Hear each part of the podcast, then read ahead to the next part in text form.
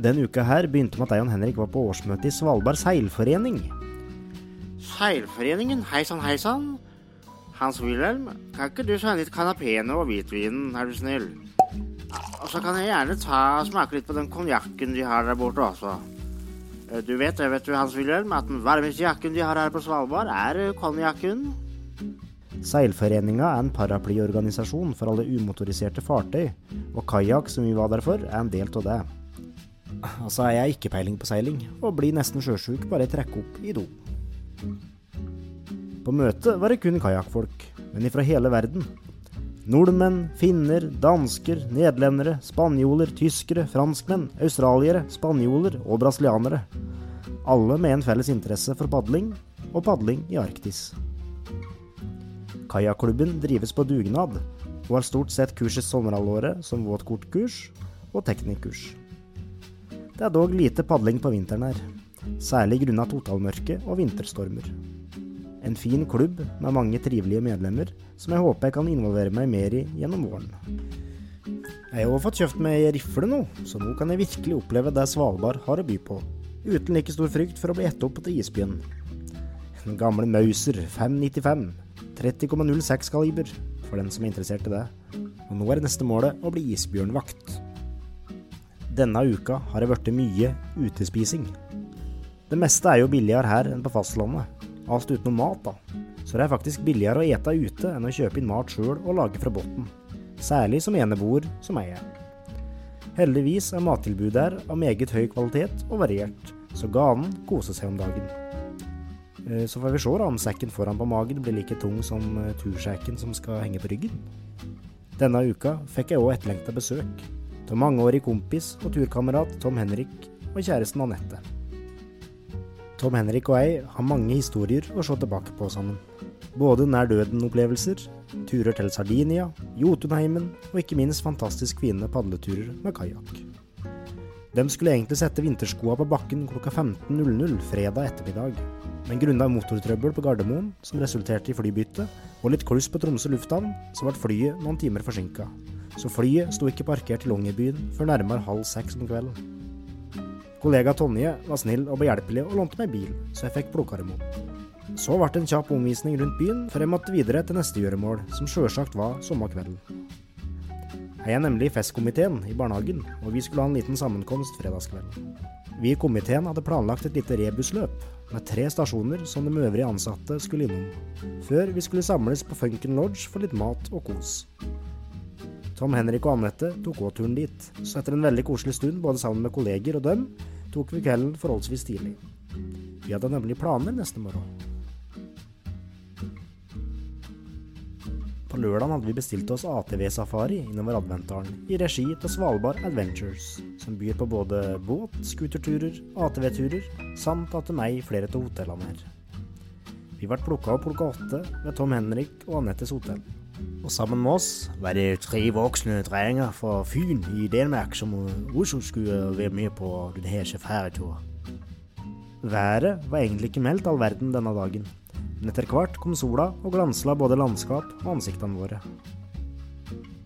Sjøl har jeg jo fått besøkt store deler av Adventdalen fra før, men for mine besøkende og de litt bakfulle danskene virka turen å være helt hånd i hanske.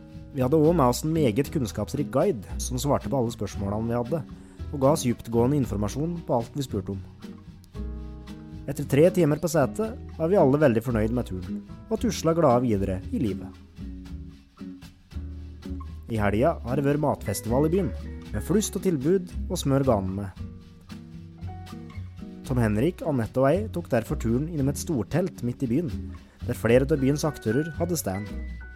Det har for øvrig blitt mye restaurantmat i helga, og da vi telte opp på søndagen, så hadde vi vel kommet fram til at vi var innom åtte forskjellige restauranter, pluss to kafeer. En av kafeene vi var innom, er en jeg ville besøke veldig lenge, men som jeg ville spare til jeg fikk besøk, nemlig Husky-kafeen. Dette er en helt vanlig kafé, som de fleste andre kafeer, bortsett fra at her går det lys levende husker rundt om i lokalet. Jeg hadde sett for meg på forhånd at dette kanskje ble litt plagsomt, men huskyen gjorde ingenting ut av seg, og kom bare bort hvis vi tok initiativ til det. En veldig behagelig atmosfære, og vi slo i hjel litt tid med en runde med brettspill attåt kaffen. Når vi først er inne på god atmosfære og mat med stor M, så må jeg få skryte av alle mattilbudene her. Her er det mat for enhver smak av veldig høy kvalitet. Etter middag på Barents ble det en tidlig kveld òg denne kvelden, og det er egentlig greit å ikke surre seg innom noe vannhøl når en har lyst til å få mest mulig ut av ei helg. På søndagen ble det en tur innom museet her, som jeg bare så vidt har vært innom med barnehagen før. Og vi er alle tre stor fan av historie, så det falt veldig i smak. Her ble det òg litt handling i museets butikk, som byr på spennende lektyre og anna småsnacks for oss som er et snev historienerd. Vi ville oppleve mer av Svalbard, så vi bestemte oss for å leie bil. Så når museumsbesøket var over, sto det en topp moderne Toyota Landcruiser utafor. Det bydde på kjøreturer både rundt byen, opp til Gruve 7 og innover Bjørndalen så langt vi kom. Veien utover Bjørndalen går jevnt ved havet, så når sola begynte å senke seg i horisonten, ble det et magisk skue. Det er egentlig først nå jeg har skjønt uttrykket horisont til det fulle, for det er jo ikke et begrep som man har brukt så mye hjemme. Det er noe annet å skue utover et endeløst hav, der alle fjell ser ut som henger i løse lufta der de treffer vannskorpa.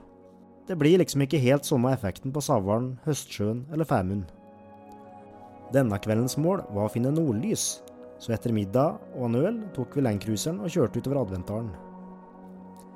Værmeldinga var egentlig ikke helt på lag, og det meste tyda på at det skulle bli vanskelig å få se noe særlig med nordlys. Men plutselig, utpå kvelden, klarna det skikkelig opp, og stjernene pipla fram på himmelhvelvingen. Så nå hadde vi trua. Vi hadde ikke kjørt så lenge før vi så de første antydningene til Aurora borealis. Og litt etter litt kom den grønne lysskyen til syne. Og alle tre følte at det var verdt turen, sjøl om det ble litt sent og jeg skulle på tidligvakt morgenen etter. Et tema som vi kom innom, som jeg egentlig aldri har tenkt på før, at stjerner, måne og nordlys skal en nå se på dagtid, og ikke bare på natta. Dette er jo liksom ting man forbinder med nattemørket, men som nå så klart fortsatt er der når det snart går mot evig mørke på dagtid òg. Jeg kjenner jeg gleder meg. Skal vi avslutte ukebrevet med et lite musikkinnslag, det som kanskje kan passe seg? Jeg og sånn veldig god kamerat, Jon Ola Kjøllaug, og ei venninne som heter Guri Grimskål. Vi har drevet og spilt en del i lag. Vi spilte inn ja, det er vel fort et år siden nå, en demo til en låt som Jon Ola har skrevet, som heter Hemsjuk. Som handler om det å lengte hjem igjen, og det skal jeg jo innrømme at jeg gjør iblant. Så her kommer en demo av den. Og her spiller jeg bass og orgel og ukulele, mandolin, trekkspill, munnspill og jeg må kore. Her kommer Hemsjuk demoversjon, altså. Det er fint å reise ut litt. Sjå seg land og strand omkring. Eta kokos på ei stille havsøy. Og drikke sake i Beijing. Ta en dram på Gran Canaria. Med fine parasoller tid. Bade naken til paradiset. Men nei, jeg dritlei etter slik, for jeg er hemsjuk.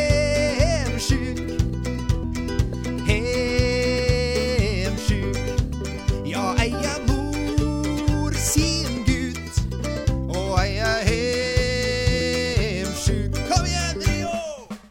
Dra på karneval i Rio. Kle seg ut og slå seg løs.